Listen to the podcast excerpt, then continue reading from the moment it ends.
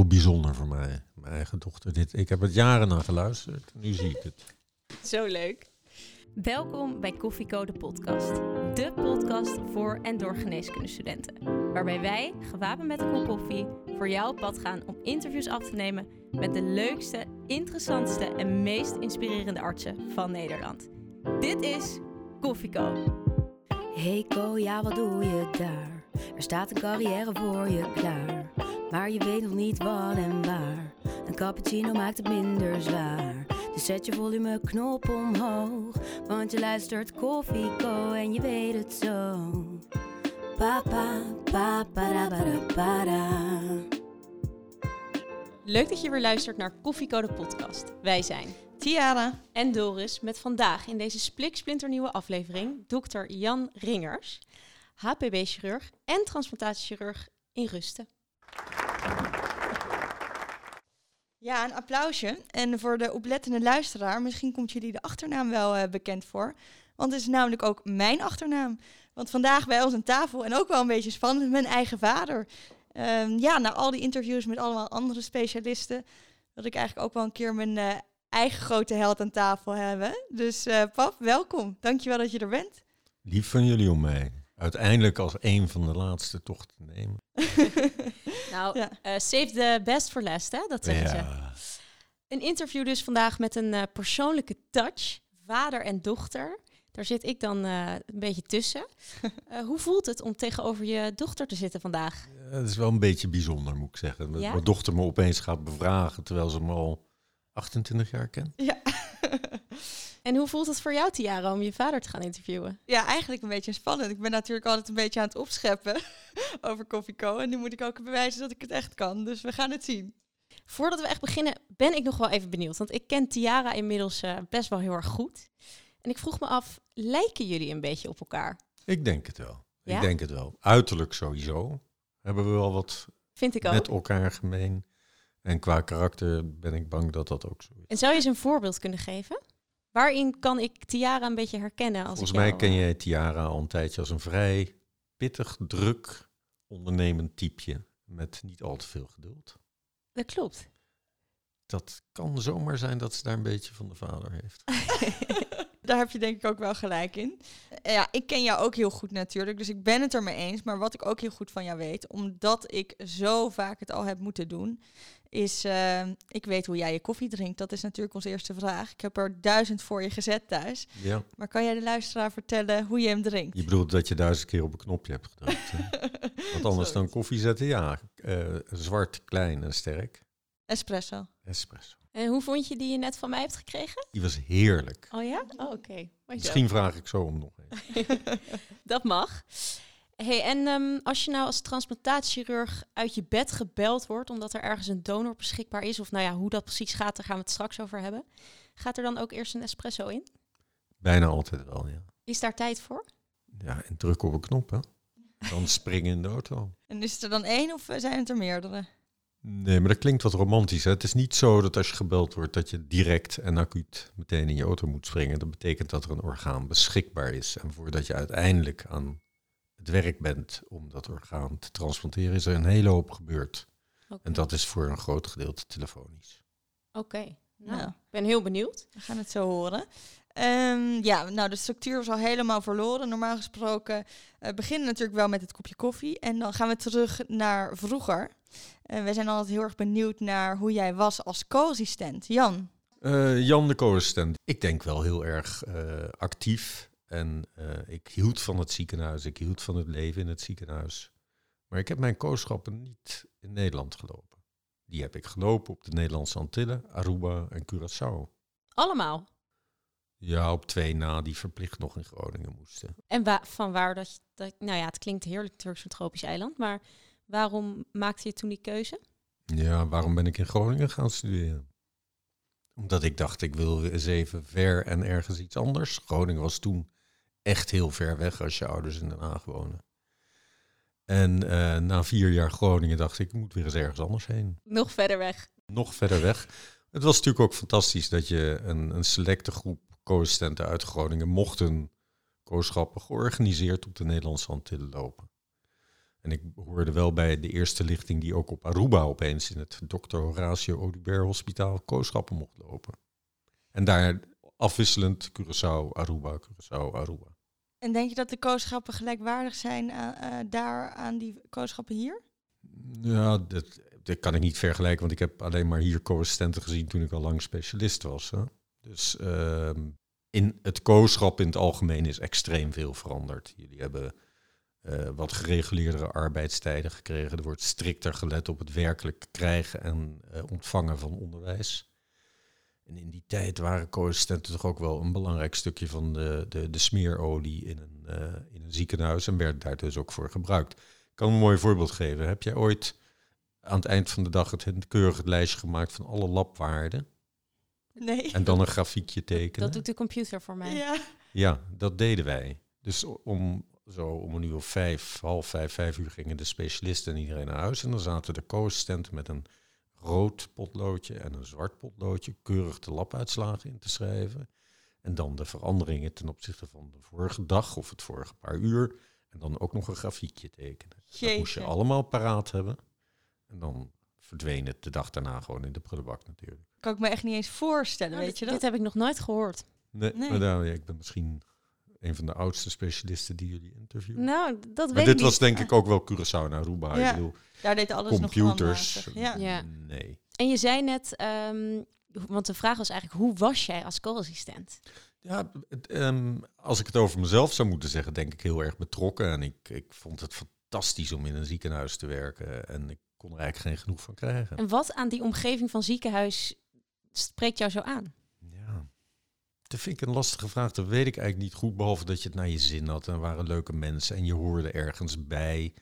En je voelde je ook een soort van belangrijk opeens voor het eerst in je leven. Na al dat eh, studeren, zeg maar. Daar ga ik niet verder op in. Dus ja, je, en het werd echt. Uiteindelijk, eindelijk werd het een beetje echt. Dat waarvoor je die jaren daarvoor van die boeken onder je kussen had gelegd. In de hoop dat de kennis vanzelf naar je hoofd ging. En maar hoe was dat op de Antillen? Moest je echt hard werken of heb je ook veel gefeest daar? Nou, allebei. eh, want feesten ontkom je daar niet aan. Ook al werk je knetterhard, je moet toch ook even, anders ja, eh, gaat het niet goed met je. Je moet een beetje feesten. Maar het was wel hard werken, ja. En had je al tijdens je coachschappen een idee van welke kant je op wilde gaan? Nou, ik kwam er heel erg achter dat ik niet zo goed was in die eh, dingetjes opschrijven, zeg maar. Al die kolommetjes en die grafiekjes. en dat ik veel meer plezier had in een patiënt waar acuut iets mee was. En dat proberen op de rails te krijgen en wat te doen. Dus ik wist wel dat het richting iets acuter ging. En na een tijdje, als je de, je eerste wondjes hebt gehecht en eh, bij de eerste operatie bent geweest, of je bent verkocht of niet. En ik hoor bij die mensen die toen onmiddellijk verkocht was aan in ieder geval iets snijdends. En toen kwam je terug eh, van de Antillen en toen ben je dokter geworden. Ja, en toen heb ik even een maand eh, gedacht, wat doe ik hier? Koud, naar, ik vond het vreselijk. maar ja, toen moest er gewerkt worden natuurlijk. Er moest eh, brood op de plank en de kamerhuur moest betaald worden. Toen ben ik begonnen met solliciteren. En het eerste baantje wat ik heb aangenomen was als, hoe heet dat, broeder op een ambulance in de Rotterdamse havens. Dat heette toen nog dokter. Je was ook echt arts. Dat, die reden dan mee op de ambulance. Want ik wou wel eens zien wat er in die havens gebeurde. Nou, dat zijn inderdaad vreselijke ongevallen. Als er iets gebeurt, gebeurt er iets. Maar wat ik niet wist, is dat 50% van je tijd ben je gewoon patiënten op aan het halen thuis. Drie trappen, drie hoog achter, omdat ze niet meer uit zichzelf naar het ziekenhuis konden in die tijd. En dan op je rug met zo'n brancard samen met de chauffeur die patiënt naar beneden sjorren en dan weer naar boven na een paar uur. Dus daar was ik vrij snel mee klaar. En ik had genoeg uh, geklaverjast in de nacht. uh, en koffie gedronken toen al. Dus um, verder gekeken, toen ben ik terechtgekomen op uh, bij KLM Medical Offshore Services. Dat klinkt fantastisch romantisch. Maar, en dat was het ook, want je werd door een grote helikopter naar een van de booreilanden in de Noordzee gevlogen. Daar zat je een week. Uh, je beste vriend was de, de radioman, want die had ook niet heel veel te doen, behalve zorgen dat de helikopters uh, landen en stegen en dat de communicatie in orde blijft. Maar daar was je arts, op een booreiland? Ja. En dan denk je, nou, dat, ik dacht ook dat wordt heel spannend en oh god, kan ik dat maar. Maar uh, je had een twee keer per dag een spreekuur, want ze werken in teams. En ik denk dat 99% van de klachten waarvoor ze kwamen was heimwee. Oh. Het waren eigenlijk allemaal hele jonge kerels die daar dan eh, die baan hadden aangenomen. Vaak als, par, als werk, omdat het boerenzoons waren die even niks te doen hadden. En het verdiende fantastisch. Maar ja, die kregen hij mee. Dus ik, wat, dat was opeens meer eh, praten dan ik. Ik heb geloof ik vier hondjes gehecht en één keer een helikopter gebeld omdat er een ernstig trauma was. Wat apart zeg. Dat was heel bijzonder. Maar pap, waarom ben je dan niet meteen eh, bij de chirurgie gaan solliciteren? Dat heb ik wel gedaan, maar ik, ik wilde wat doen. Dus dit, dit is alles bij elkaar. Dit hele verhaal is vier maanden. Oh ja. Vervolgens ben ik terechtgekomen in Leiden. En op de afdeling neurochirurgie zochten ze toen een assistent niet in opleiding. En toen dacht ik, nou, dat is het. Neurochirurg, mooi, fijn werk. Iedereen vond het heel spannend in die tijd. Je had ook eh, bumperplaatjes over neurochirurgen waarvan je echt dacht, dat zijn de koningen. Eh, dat leek me wel wat. Dus ik heb daar bijna een jaar gezeten. Ongelooflijk veel geleerd, maar tegelijkertijd er ook achter gekomen dat het niet mijn deel van de geneeskunde was. Ik bedoel, het is een fantastisch extra stukje ervaring, wat ik altijd heb gekoesterd. Technisch heel mooi, eh, qua patiëntenzorg heel intensief. Dat begrijpen jullie, want het zijn toch mensen met grote aandoeningen vaak, die heel diep ingrijpen in een menselijk leven. Waarom was het niks voor jou? Ja, het paste gewoon niet bij mij. Ik dacht opeens, dit is niet mijn leven. En waarom je dat denkt, dat weet ik ook niet. Toen ben ik overgestapt op thoraxchirurgie. En dat was een fantastische tijd. eh. ook technisch een fantastisch vak, mooie mensen. Maar ik had op een gegeven moment zoiets van, ja, als ik elke dag dat hart zie, is dat mij dan waar het ophoudt voor mij? En hoe ga ik daarin verder? Het was niet eenvoudig om daar een opleidingsplek in te krijgen, dus ik ben toch verder gaan kijken. En nu komt eigenlijk het meest bizarre gedeelte van eh, mijn carrière, want ik ben gaan solliciteren voor de radiologie. Huh? Oh? Ja, ja dat zal wel een moment van eh geweest. Nee, ik vond het een fantastisch mooi vak. Dat is de tijd dat de invasieve radiologie opkwam. Oh ja. En tegelijkertijd dacht ik, ik moet eh, mijn opties open houden. Dus toen ben ik ook gaan solliciteren voor de plastische chirurgie. Jeetje, pap, mag ik, even, mag ik je even onderbreken? Eigenlijk doorbreek je alle regels van Koffieco. Je hebt eigenlijk gewoon alles uitgeprobeerd. Ja, dat is ook zo. Ehm, eh, misschien dat ik daarom uiteindelijk wel transportatiechirurg ben geworden. Want hoe is dat de cliffhanger? Je was bij de radiologie en bij de plastische. En toen? Beide gesolliciteerd. En toen ben ik in, eh, uiteindelijk solliciteerde ik bij de, het hoofd van de plastische chirurgie, die later opleider werd in Utrecht. Dus in die overgang van Leiden naar Utrecht. En toen zei hij, ehm, dit is wel hoe verhalen lopen. Hij zei, joh, je moet toch eerst algemene chirurgie gaan doen als je plastisch chirurg wil worden. Dat was in die tijd ook zo, vier jaar minstens algemene opleiding. En toen zei hij, en die chirurgen zijn een beetje gek geworden, want die hebben nu twee jaar lang in heel Nederland niemand opgeleid, want er rijdt een bus rond met allemaal werkeloze chirurgen. Oh, toen ook al. Ja. Uh, het was toen heel erg.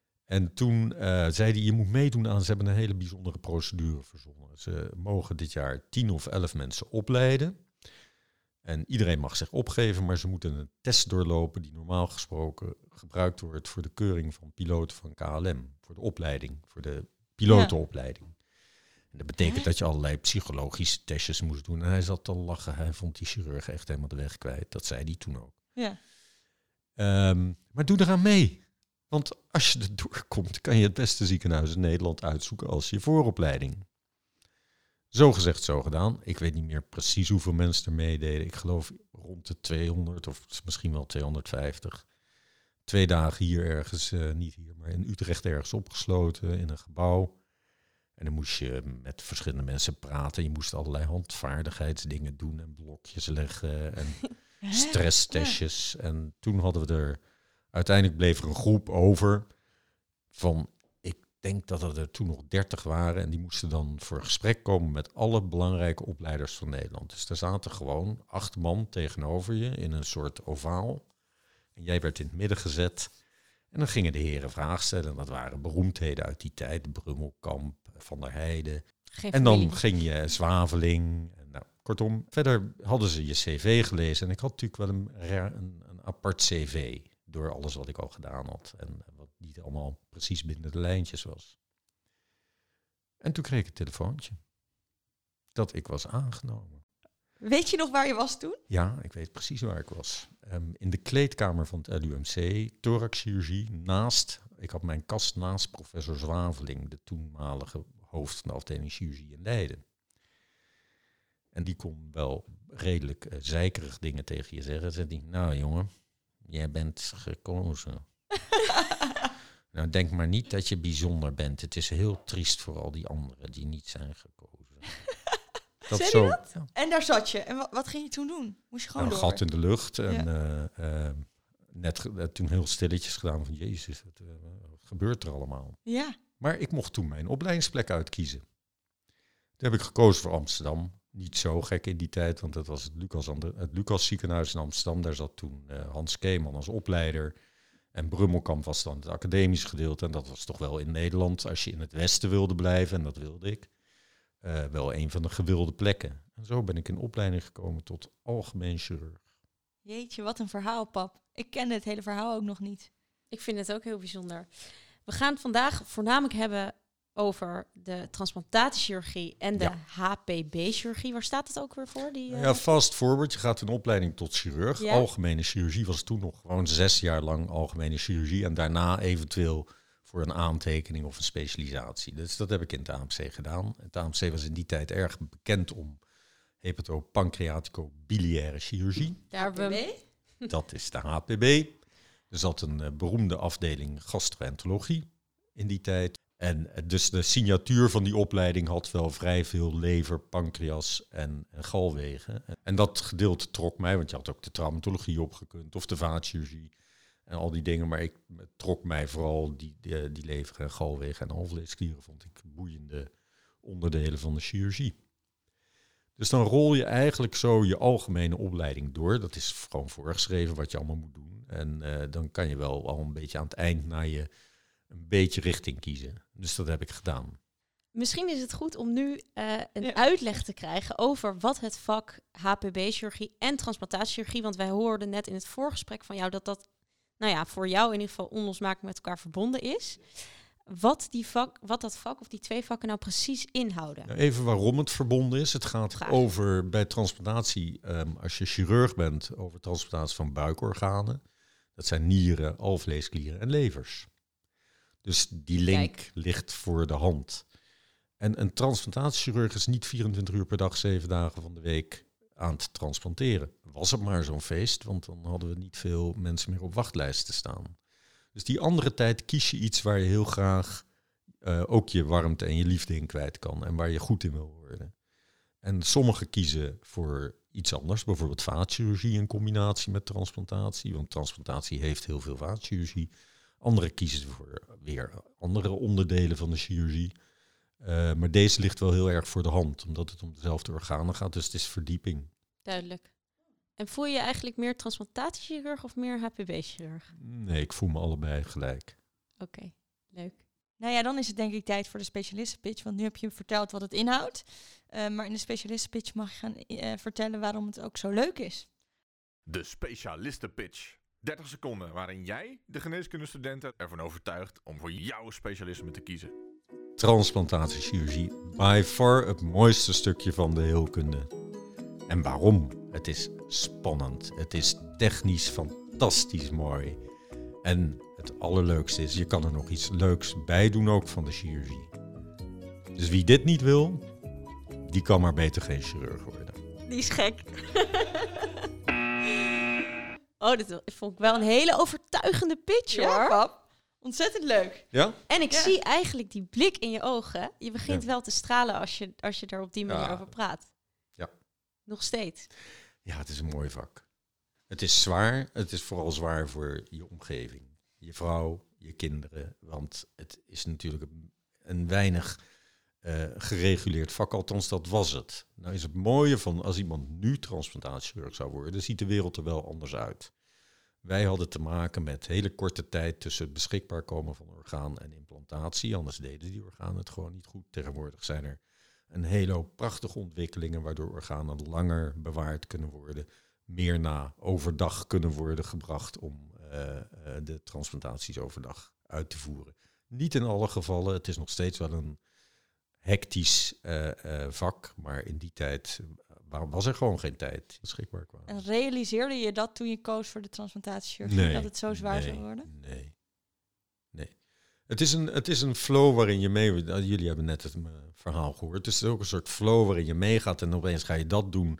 En ja, dat is het dan helemaal. En je, je bent zo bezig met hoe mooi het is en hoe goed je wil worden. Dat, daar denk je op dat moment helemaal niet over. Je realiseert je pas later wat het voor impact heeft gehad op je gezin. Want wat denk je dat de impact is wat dat heeft op je gezin? Kan ik aan jou vragen. Ja, Ja, eigenlijk wel. Ik heb, ja, ik heb niet heel veel gemist. Maar ik weet wel dat je vaak in de nacht eruit moest, maar dan sliep ik. Ja. Maar misschien moet ik het eerder aan mama vragen. ja. Nou ja de- de- het- dat is natuurlijk zo. Je kan eh, afspraken maken voor een dineetje en opeens vertrokken zijn. Ja, ja dat is wel zo. En daar hebben jullie niet zoveel last van gehad, maar mama vast wel. En jijzelf, heb je daar ook last van gehad? Want Nee. het is toch jammer dat je het dineetje mist. Nee hoor, ik vond het fantastisch wat ik ging doen. Ja? Ja. Kijk, dan is het voor jezelf wel waard. Precies. Leuk om te horen. Ik hoop dat ik ook nog zo'n eh, zo'n passie vind. Ja. Ja.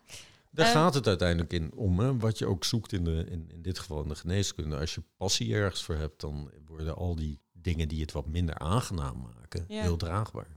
Want naast passie, wat vind je eigenlijk dat de eigenschappen moeten zijn van een transplantatiechirurg? Dat vind ik best een moeilijke vraag. Je moet wel eh, in staat zijn om op je voeten te denken, heb ik altijd gezegd. Je moet oplossingen vinden terwijl je bezig bent. Het is geen bouwpakketje wat altijd past. hè. Je moet, het, het- je moet iets aanpassen aan degene die het orgaan gaat ontvangen. En je hebt te maken met extreem zieke patiënten. Dus het is ja, inderdaad op je voeten denken en oplossingen vinden. Ik ga eerlijk zijn, ik weet heel weinig van dit vak, van de transplantatiechirurgie. Ik ben denk ik nog nooit een transplantatiechirurg tegengekomen, ook in het ziekenhuis. Dus ik wil eigenlijk ook wat meer achtergrondinformatie van hoe zo'n transplantatie werkt. Want we hebben het over ontvangers, donors. Ja, de transplantatie begint met donatie. Ja, Dat is denk ik een heel belangrijk ding om je te realiseren. Eh, zonder organen die beschikbaar komen of beschikbaar worden gesteld door levende donoren, is er geen transplantatie. Het uitnemen van een orgaan zonder schade eh, en, en op zo'n manier dat het snel en goed gewor- kan worden getransplanteerd is een kunst. en dat doet de transplantatie ook. Dus dat, doe jij doet- ook, of niet? Ja, Oké. nu is het zo georganiseerd dat je aparte teams hebt voor het uitnemen. Maar in het begin was het zo dat je eerst naar een ziekenhuis ergens in Nederland, België of Duitsland reed. Eh achter in een eh, ambulance lag te knarren tot je er was. Dat orgaan uitnam, terugreed, even onder de douche ging staan, eh, misschien een uurtje op de bank slapen en dan verder, want het orgaan moest er ook zo snel mogelijk in. Nou, dat was natuurlijk niet op lange termijn geen houdbare situatie. Dus nu is het heel goed georganiseerd. Nederland heeft eh uitnameteams waar ook chirurgen aan deelnemen die transplantatechirurg zijn. Dus die doen afwisselend de een of de andere dienst. Oh ja. Eh, dus er worden ook meer mensen bij betrokken die niet noodzakelijkerwijs zelf transplanteren, omdat het ook een hele mooie operatie is om te kunnen. Eh, en op die manier is het allemaal gestructureerd en georganiseerd, waar vooral mijn collega's in, in Leiden, een van mijn jongere collega's, een hele belangrijke rol in heeft gespeeld om die organisatie op te zetten. Wat ook heel mooi is dat dat gelukt is op deze manier. Maar terug naar jouw vraag. Ja, Hoe gaat dat nou? ja. Dus de telefoon gaat. Dat is eigenlijk waar het allemaal mee begint. Hier was ik heel vaak bij, die telefoon ging. En dan belt iemand die eh, dat coördineert, een transplantatiecoördinator of Eurotransplant, met een aanbod van een eventueel orgaan. Dat betekent dat het vaak nog niet is uitgenomen, maar dat er wel besloten is tot een donatieprocedure bij iemand die of hersendood is of binnenkort komt te overlijden en dat organen beschikbaar zijn gesteld. Dan moet je snel kijken voor welke ontvanger dat is. Nou, dat is tegenwoordig fantastisch allemaal gecomputeriseerd, dus kan je gewoon opzoeken. Voor welke patiënt is het? Dan kijk je even naar die patiënt en je kijkt naar de verschillende parameters. Dat is het eerste belangrijke onderdeel van de besluitvorming. En want mensen die een ongeval hebben gehad of komen te overlijden, zijn vaak niet helemaal gezond meer. Dus eh, je wil weten hoe die organen zijn op dat moment. En of dat kan bij de ontvanger die voor jou waaraan het wordt aangeboden. Dus dat stukje besluitvorming gebeurt willekeurig welk moment van de dag of nacht. Op dat moment dat je zegt ja, gaat die hele cyclus in gang. Wordt het Maar jij eh, zegt ja. in overleg met de behandelend nefroloog of hepatoloog in dit geval. Oké. Eh, dus de patiënten zij komen natuurlijk vaak uit een andere hoek. Die komen niet uit de chirurgie, maar uit de nefrologie Of uit de hepatologie, de ziekte De, ont- de ontvangende patiënten gaat Ja. nu over. Ja, precies. Nou, als die hele cyclus rond is en het is allemaal ja, dan krijgt het een soort groen licht en dan gaat het door. En dan is de volgende stap, is die donatieprocedure geslaagd uiteindelijk? Was het orgaan goed eh, voor een transplantatieprocedure? En als dat dan allemaal is, dan gaat die organisatie in zo'n eh, ziekenhuis op gang komen om die transplantatie mogelijk te maken. En dat is denk ik een van de meest onderschatte onderdelen daarvan. En daar hebben wij chirurgie, chirurgen helemaal geen helder rol in, want dat is een hele andere organisatie die dat allemaal voor elkaar moet krijgen. En dan heb ik het over laboratoria die beschikbaar moeten zijn, bloedbanken die beschikbaar moeten zijn, eh, ehm, radiologie, eh, noem het maar op. Al die andere structuren in zo'n groot academisch ziekenhuis, die allemaal wel paraat moeten zijn om dit mogelijk te maken. En die zie je niet. Je ziet op televisie alleen maar die chirurg met die prachtige loopbril en zo'n koplamp op. En eh, allemaal heel indrukwekkend. Maar daar staan tientallen andere mensen omheen eh, die het mogelijk maken om zo'n transplantatie uit te voeren. En even voor tijdsbesef, want je zegt vroeger was het, al- moest het allemaal veel sneller, maar hoe lang kan zo'n orgaan uit een lichaam zijn? Ja, dat is mooi. Ehm, wij zeiden altijd hoe sneller hoe beter in het begin. Eh, elk half uurtje telde. Nu zijn er machines ontwikkeld waaraan je, waarop je dat orgaan eerst aansluit. Ehm, dan geef je dat orgaan als het ware de tijd om even bij te komen. Je kan een aantal metingen doen over de functie van het orgaan. En in die tijd eh, krijgt het eh, al zijn voedingsstoffen en afhankelijk van welke machine ook zuurstof. En de ene machine doet het koud en de andere doet het warm. Maar uiteindelijk heb je dan een orgaan wel weer wat even als het ware de kans heeft gekregen om bij te komen van de schok van het uitname en op ijs vervoerd worden. Eh, tot je hem implanteert. Dus dat heeft ook tijd gegeven aan de chirurgen om te zeggen, nou het hoeft niet om vier uur s'nachts, het kan ook om zeven uur s ochtends. Oké, maar het gaat over dagen of uren. Uren. Het gaat nog niet over de wasstap maar zo'n feest, want dan kun je ze op de plank zetten. Ja. Ja, oké, het gaat over uren. Mag ik nog wat vragen over dat eerste gedeelte, hè, dat uitnameproces? Ja. Want dan opereer je dus eigenlijk op een overleden iemand. Ja. Hoe is dat? Ja, weet je, ik denk dat het voor ons draaglijk was en doenbaar en soms zelfs eh, eh, mooi om te doen, omdat je wist waarvoor je het deed. Maar het ging natuurlijk, als je niet de andere kant van de transplantatie kent en hebt meegemaakt, lijkt me donorprocedures een behoorlijk belastende eh, aangelegenheid. Het zijn soms hele jonge mensen die door iets om het leven komen of hersendood zijn geraakt waar je eh organen uit haalt. En er zitten ook kinderen bij. Dus dat, nee, dat is niet eh, het leukste gedeelte van dit vak.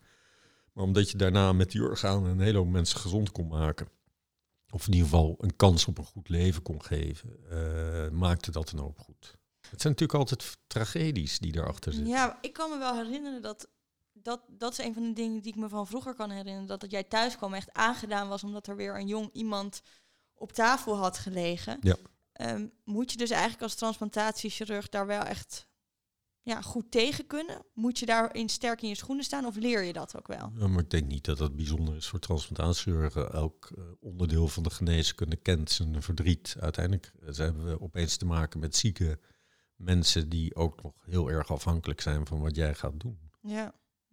En dat is een rare, kwetsbare situatie. Het is dus ook wel een ingrijpend vak, als ik het zo hoor. Ja. Emotioneel.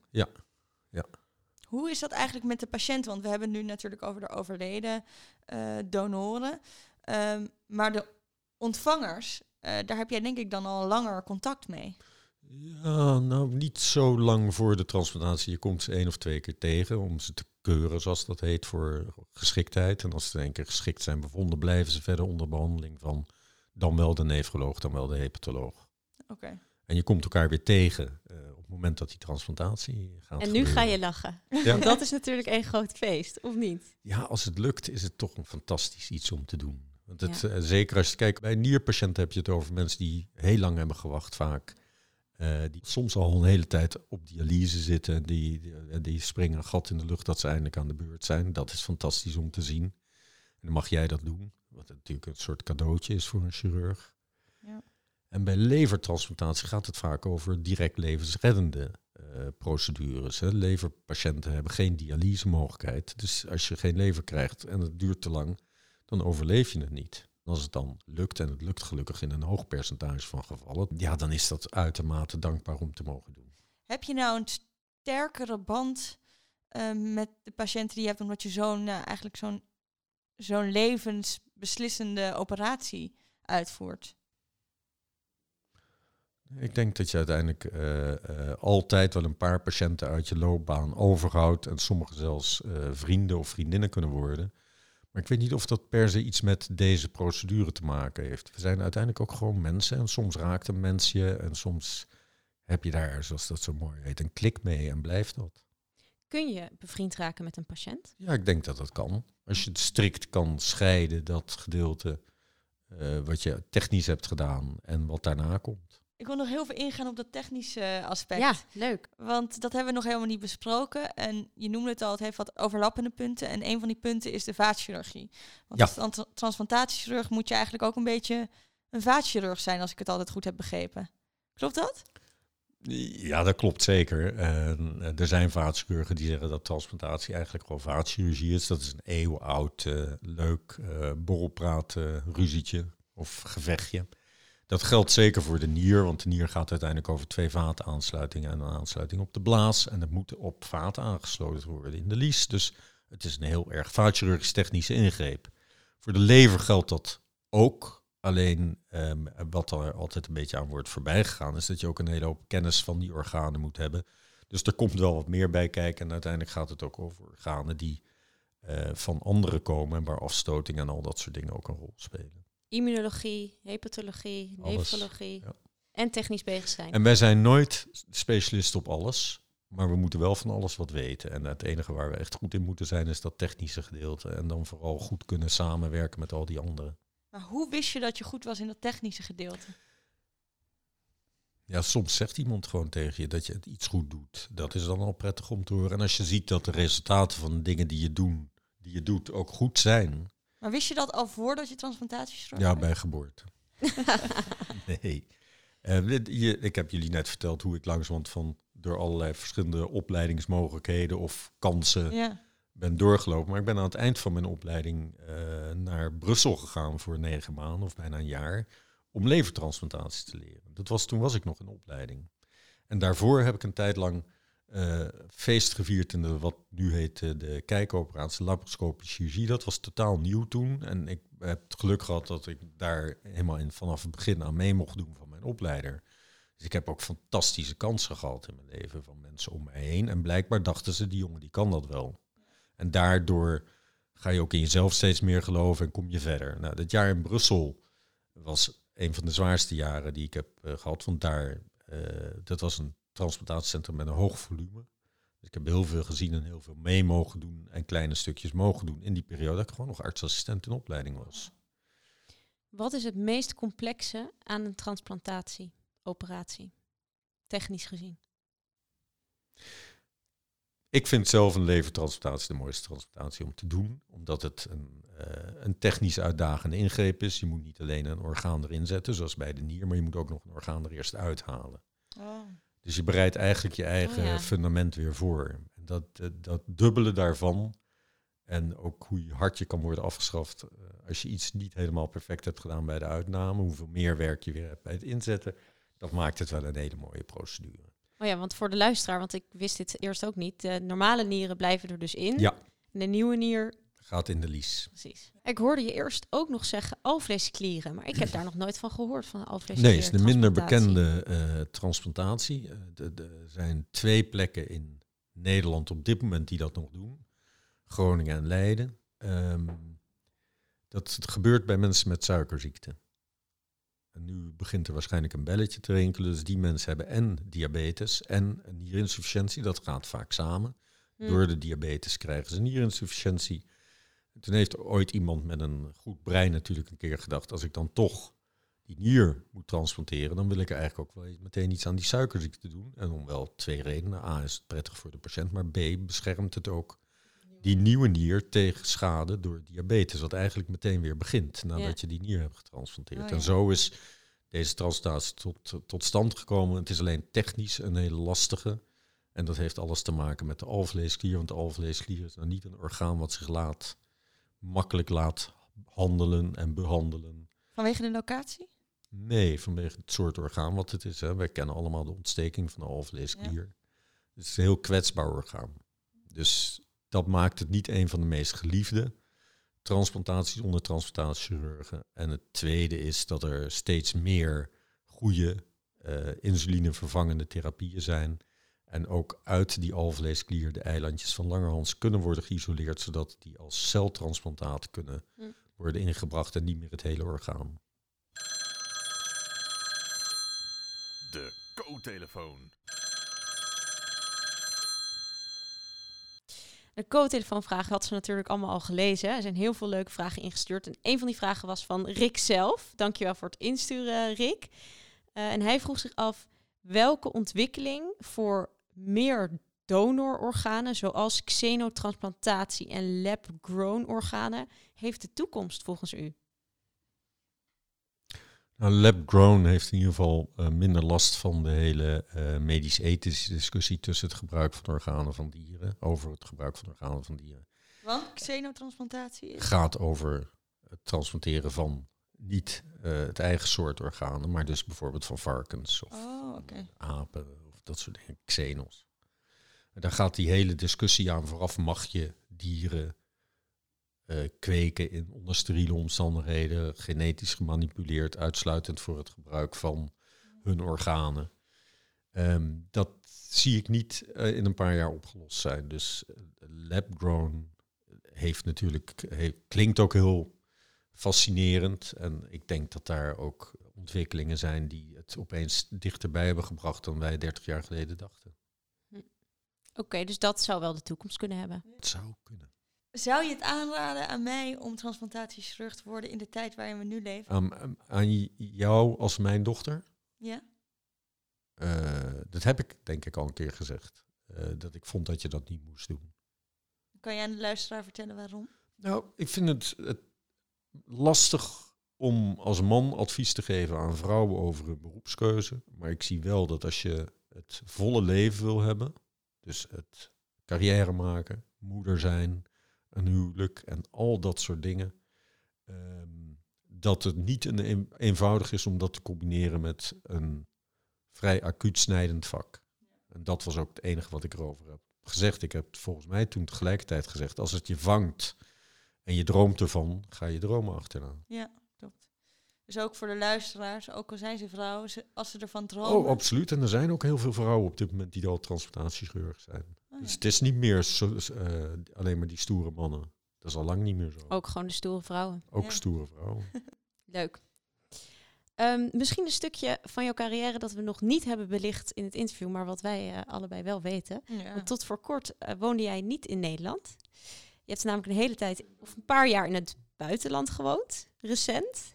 Ehm, wil je daar eens iets over vertellen? Wat je daar ja, hebt ik gedaan? heb ruim twee jaar in Pakistan gezeten. Karachi, de derde grootste stad ter wereld. Dat wist ik ook niet toen ik erheen ging. Ter wereld? Qua, er wonen 23 miljoen mensen in die stad.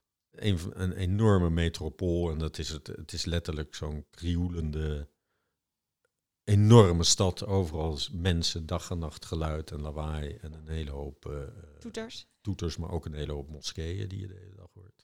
Oh ja. En waarom Karachi, Pakistan, dat weet ik eigenlijk niet. Het kwam opeens langs. Iemand vroeg, we hebben een transplantatiechirurg nodig in het grootste ziekenhuis van Pakistan, Aga Khan University.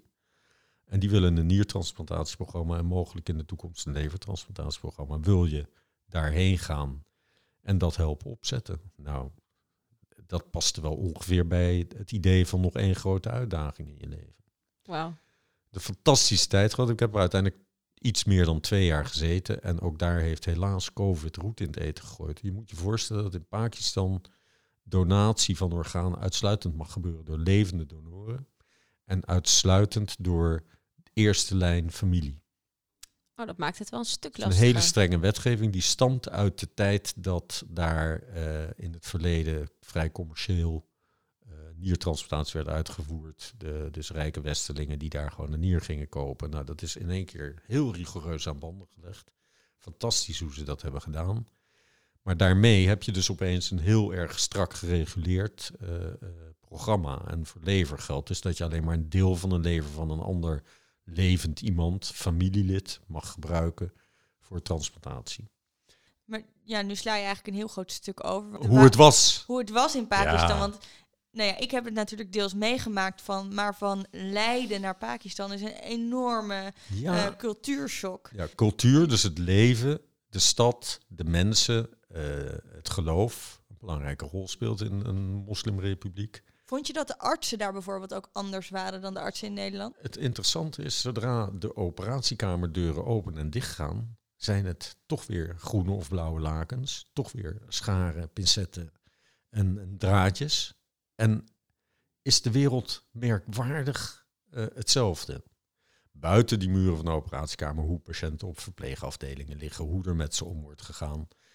Ja, dat is wel anders, maar de structuur is uiteindelijk toch ook weer hetzelfde. Alleen ze zien er wel wat anders uit. Ze dragen andere kleding. Ze bidden heel veel. eh, en in een ziekenhuis daar speelt familie een belangrijke rol in de zorg. Dus op, overal op gangen en, en eh, grasveldjes buiten ligt gewoon familie te slapen. Die uiteindelijk over een paar uur weer de patiënt te eten geeft of helpt wassen. Was dat niet eh, wennen voor jou als vesteling? enorm. En bovendien was ik de enige met blond haar en blauwe ogen in dat ziekenhuis. Dus ja, dat was wennen. Maar ook weer, het is ook wel eens goed om te weten hoe het voelt als jij de uitzondering bent. En dat is voor mij in ieder geval een heel bijzonder leermoment geweest in mijn leven. Heeft dat je blik op de geneeskunde of op de zorg veranderd? Ja, nou de manier waarop zorg in Pakistan bestaat geen verzekerde zorg. Maar ik dacht, ach arme mensen die gaan allemaal dood, want ze hebben geen verzekering. Maar dat is helemaal niet waar. Want de familie, het dorp, het wijkje waar ze wonen, iedereen zorgt voor elkaar. En dat, die saamhorigheid heeft mij enorm geraakt. En wij hebben dat vertaald in een zorgsysteem waarin verzekering de belangrijkste eh, en ook wel, vind ik, soms een lastige rol speelt dat het eigenlijk een heel kostbaar systeem is. En daar is het eigenlijk heel direct. Dus eh, eh, een meneer in een dorpje krijgt een aandoening, moet daarvoor naar een ziekenhuis. Dat kan dan toevallig, als het om dit soort procedures gaat, maar in één ziekenhuis. Daar reizen ze soms twee, drie dagen voor. En die komen met door- in het dorp ingezameld geld om het mogelijk te maken. Wat ook wel weer bijzonder is, want dat betekent dat bij elke patiënt wordt onderhandeld. Is dat echt zo? Hoeveel het gaat kosten? Handje klap. En is dat Nee, niet basis handjeklap. Gelukkig kan je daar als dokter heel snel buiten zetten. Eh, want daar is een afdeling voor. Maar dat vinden ze, vindt men daar ook heel gewoon. Dat vinden ze ook helemaal niet Oh, storend. Oké. Er wordt eerst gevraagd wat kost het. Want het moet wel opgebracht worden. Verder leeft zo'n ziekenhuis voor bijna de helft op donaties. Dus er wordt zoveel gedoneerd aan het ziekenhuis voor patiëntenzorg. Dat eh, ook de armste sloeber die daar binnenkomt, ook al is er geen, niemand die hem, hè, hij komt van straat, daar kan voor worden gezorgd. Daar is dan een speciaal fonds voor. En dat zijn enorme bedragen die mensen die het beter hebben doneren aan het ziekenhuis. Dus eigenlijk maak, maken ze hun eigen Ja. eh, structuur. Zijn er Ja. geen regels vanuit de staat, maar wordt Juist. er toch Ja. gedoneerd. Liepen daar eigenlijk ook co-assistenten rond? Ja, bosjes. En eh, eh, je hebt ze gezien, want je hebt een paar weken meegelopen. Ehm, het bijzondere aan Pakistan was voor mij ook weer om eh, de, de eagerness, dus de, de, de leergierigheid van de, de studenten en de co-assistenten. Dat heeft natuurlijk alles mee te maken dat ze er heel veel voor moeten doen om zover te komen dat ze überhaupt aan de universiteit terecht kunnen en mogen studeren. Maar het is ook, eh, denk ik, een andere fase in de ontwikkeling van een land waarin jonge mensen nog eh, niet gewend zijn aan een samenleving waar alles is. En jullie zitten bijna aan de andere kant van het spectrum soms, dat je nu moet gaan nadenken, ja, vind ik wel werk? Dat is daar nog niet eh, de vraag. Iedereen vindt werk en je mag blij zijn als je een opleiding mag hebben. Ze willen alles van je weten. Dus college geven daar bestond, daar moest je echt op een gegeven moment wegrennen, want anders stond, stond, er kwam er nog een hele horde achter je aan die nog meer vragen hadden. Een beetje zoals dit interview. Ja, ja, ja. ja. Leuk. Nou, dit was een ontzettend mooie Ja, ervaring. En ik heb ook mogen deelnemen aan deze ervaring. Maar wat ik eigenlijk niet weet, wat is eigenlijk jouw hoogtepunt van je carrière? Ja, nu heb je me even. Eh, eh, Ja, ik denk toch die eh, bijzondere mensen waarbij je dit soort dingen mogen doen en die eh daar doorheen zijn gekomen en weer door de, door de wereld lopen. Dat zijn allemaal kleine hoogtepuntjes en bij elkaar opgeteld één groot hoogtepunt. Dat is natuurlijk fantastisch dankbaar werk. Zou je weer eh, voor hetzelfde vak kiezen als je in, nu in onze schoenen zou staan? In deze tijd? Ja, ik heb bij de pitch gezegd dat het natuurlijk eigenlijk het mooiste is wat er is. Eh, maar de keuze voor een vak is persoonlijk. Zou ik het, zou ik het zelf Ja. weer doen? Ja. Volmondig ja. Ja. Maar eigenlijk, toen je net zei van ja, de hoogtepunt uit mijn carrière is dus eigenlijk niet en een prijs of een certificaat of een bepaald niveau wat je hebt bereikt, maar toch de patiënten. Ja, ja, ja. Ik ben wel dokter geworden voor patiënten en niet voor al die papiertjes. Nee. Wat betekent dokter zijn voor jou? Wat is dokter zijn voor mij? Ja, ik, het, het hele eh, zijn in een, in, een- in een instituut waar iedereen eigenlijk bezig is met die geneeskunde, is al iets heel bijzonders. En dokter zijn is natuurlijk toch ook de, dat je iets, vaak iets kan doen voor een patiënt. Zeker, zeker in snijdende beroep is dat wel iets heel prettigs. Er is iets kapot, je kan het repareren. En dat is voor mij daarom denk ik ook dat ik het goede vak uiteindelijk heb gekozen. Past dat het beeste bij mij? Dat geeft me een goed gevoel. Ben Is jij toch Jan mooi? De, ben jij Het is Jan mooi. de dokter of ben jij dokter Jan? Mm, ik ben de jonge dokter Jan. Moet je even het verhaal vertellen van de jonge dokter, pap? Eh, ehm, toen ik jong was, zag ik er nog veel jonger uit dan ik was. Dus eh, het is mij tot zeker de eerste vijf jaar als specialist overkomen dat patiënten vroegen wanneer de dokter kwam, of ik bij ze was geweest. In volle overtuiging dat er waarschijnlijk een student of een co-assistent was langs geweest. En dat was heel leuk, want dan kwam ik gewoon vijf minuten later binnen en zeg, eh, de dokter is nu binnen. Dan had ik, bovendien waren ze dan even zo geschrokken dat het, eh, het ijs gebroken was. Ja. Leuk grapje. En ehm helemaal in het begin van het interview stelde ik je al voor eh, arts in rusten. Ja. Eigenlijk een ander woord volgens mij voor gepensioneerd. Ja. Wat ga je doen nu? Geen idee, maar niet niks. Dus ik ga vast nog wel ergens iets doen. En als er zich weer zo'n kans voordoet als in Pakistan of ergens anders, dan ben ik weer weg. Ja. Eh, vermits mijn kinderen en mijn vrouw dat goed vinden. Maar... De energie is er nog. Oh ja, het is het mooiste vak wat er is. Ik vind het ook zonde om alles wat ik heb mogen leren eh, en alles wat ik kan, dat dat dan van op de een op de andere dag opeens niet meer nodig is. En als ik nog andere mensen iets kan leren of op weg kan helpen in, in hun eh, carrière, dan zou ik dat fantastisch vinden. En zelf, puur hè, dat, dat, dat opereren, je hoort vaak van chirurgen dat ze er een beetje verslaafd aan zijn. Ja. Heb je daar ook last van? Ja. Ja? Ja, het is een fantastische kick. Maar hoe merk je dat dan? Als je een paar Nou, maanden ik vergelijk het wel eens met eh, meditatie. Meditatie is iets wat je moet leren, maar dat geeft de- die prettige eh, vernauwing, eh, je omgeving een beetje weg en helemaal gefocust op één ding. Dat heeft wel heel veel raakvlakken met wat opereren ook is. Je moet in die, in die concentratie komen om het mooiste te doen wat je kan. Dat geeft een fantastisch gevoel. En je vergeet ook even alle, de hele wereld om je heen. Dat is ook maar goed ook, want anders kan je je niet goed concentreren. Ja, dat is wel een heel mooi gevoel. Dat, dat zou ik het heel erg missen als ik helemaal niet... Ik heb nu weer een tijdje niet mogen opereren. Want ik ben terug. En ik heb nog niet iets anders. En dat mis ik. Dan begint het te kriebelen. Ja, ja, ja. Oké, nou, eh, ik ben achter ontzettend veel dingen gekomen die ik nooit van jou had geweten. Dat vond, vind ik leuk. Maar ik ben ook erg benieuwd. Jij bent nu aan het einde van je carrière. Ik ben nu aan het begin van je carrière. Ik ben net afgestudeerd. Wat zou je tegen mij willen zeggen eh, als beginnend jonge dokter? Ja, ga je passie achterna. Probeer. En het, als je in het eerste jaar iets probeert wat niet bij je past, schakel vooral snel genoeg naar het volgende. Sta, sta niet te lang stil. Nee, voel heel goed in het begin of het iets is wat bij je hoort. En of je dan altijd de luxe hebt om verder te kijken zoals ik heb gehad, dat weet ik niet.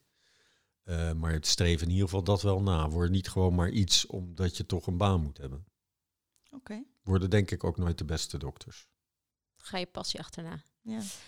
Nou, Tiara die eh, stelt voor zichzelf wel een hele goede vraag, maar ik doe er nog een schepje bovenop. Want Tia en ik zijn allebei eh, ja, bezig toch wel met de hele zoektocht naar het juiste vak. En wat denk jij nou als vader en als dokter, wat er bij je dochter het beste zou passen? Nou, ook iets snijdends, dat is, dat is eigenlijk al heel lang duidelijk. Eh, Tiara is een doener. Ehm, die wil ook iets met haar handen. Ze vindt het leuk, ze geniet ervan om iets met haar handen ook te doen. Dus dat, maar welke kant van de snijdende specialisme? Een uh, enorme hoeveelheid keuzes. Het kan... En jij? Oh nee. het is een familieaflevering, ik hou me erbij. Nou, dokter Ringers, Jan, eh, heel erg bedankt dat je de tijd wilde vrijmaken voor dit interview. Ik denk de laatste vraag waarmee we altijd afsluiten is eh, de tip voor de jonge dokters. Maar ja, als ik het goed begrijp, is dat ook wel een beetje, denk ik, de tip die je aan je eigen dochter net hebt gegeven. Helemaal. Wil je er nog iets aan toevoegen? Wat moet de luisteraar echt weten? Nee, ik heb zoveel verteld, maar Ja. de belangrijkste tip is: eh, geniet van wat je doet en probeer al je energie erin te gooien om, om goed te worden. Want Dat verdienen je patiënten. Hele mooie afsluiter. Ik ga het proberen, pap. Dankjewel. Ik ook. Lieve luisteraars, ook jullie heel erg bedankt voor het luisteren. Over twee weken weer een nieuwe aflevering. Eh, mis het niet, volg ons op alle sociale kanalen. Tot de volgende keer bij Koffie Code Podcast. Pa pa pa para para para.